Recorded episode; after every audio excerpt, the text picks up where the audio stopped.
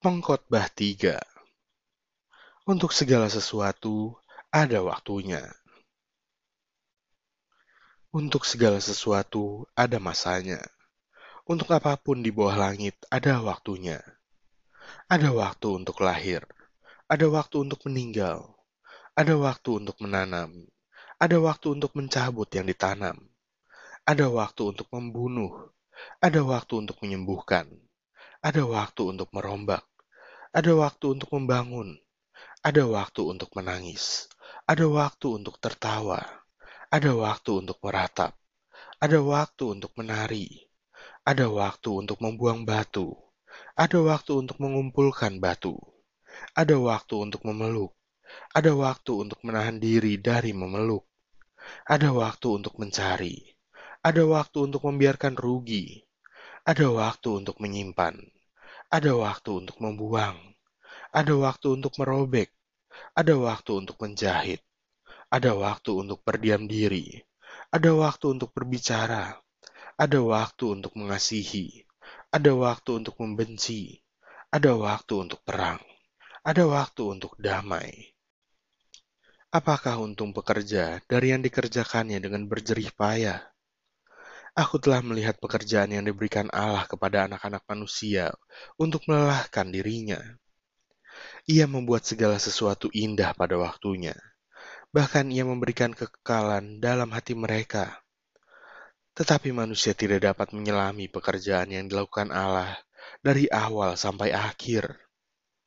Aku tahu bahwa untuk mereka tak ada yang lebih baik daripada bersuka-suka dan menikmati kesenangan dalam hidup mereka dan bahwa setiap orang dapat makan, minum, dan menikmati kesenangan dalam segala jerih payahnya. Itu juga adalah pemberian Allah. Aku tahu bahwa segala sesuatu yang dilakukan Allah akan tetap ada untuk selamanya. Itu tak dapat ditambah dan tak dapat dikurangi. Allah berbuat demikian supaya manusia takut akan Dia. Yang sekarang ada dulu sudah ada, dan yang akan ada sudah lama ada, dan Allah mencari yang sudah lalu. Ketidakadilan dalam hidup. Ada lagi yang kulihat di bawah matahari, di tempat pengadilan.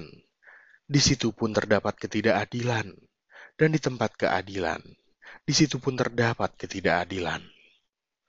Berkatalah aku dalam hati, Allah akan mengadili baik orang yang benar maupun yang tidak adil, karena untuk segala hal dan segala pekerjaan ada waktunya.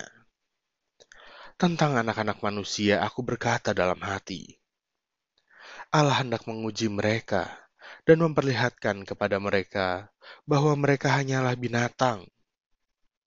Karena nasib manusia adalah sama dengan nasib binatang nasib yang sama menimpa mereka.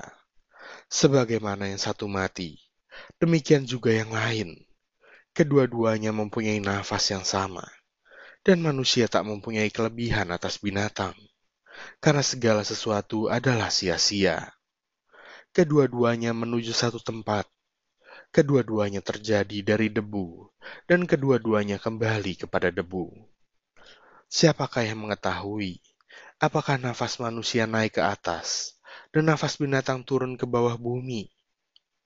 Aku melihat bahwa tidak ada yang lebih baik bagi manusia daripada bergembira dalam pekerjaannya. Sebab itu adalah bahagiannya. Karena siapa akan memperlihatkan kepadanya apa yang akan terjadi sesudah dia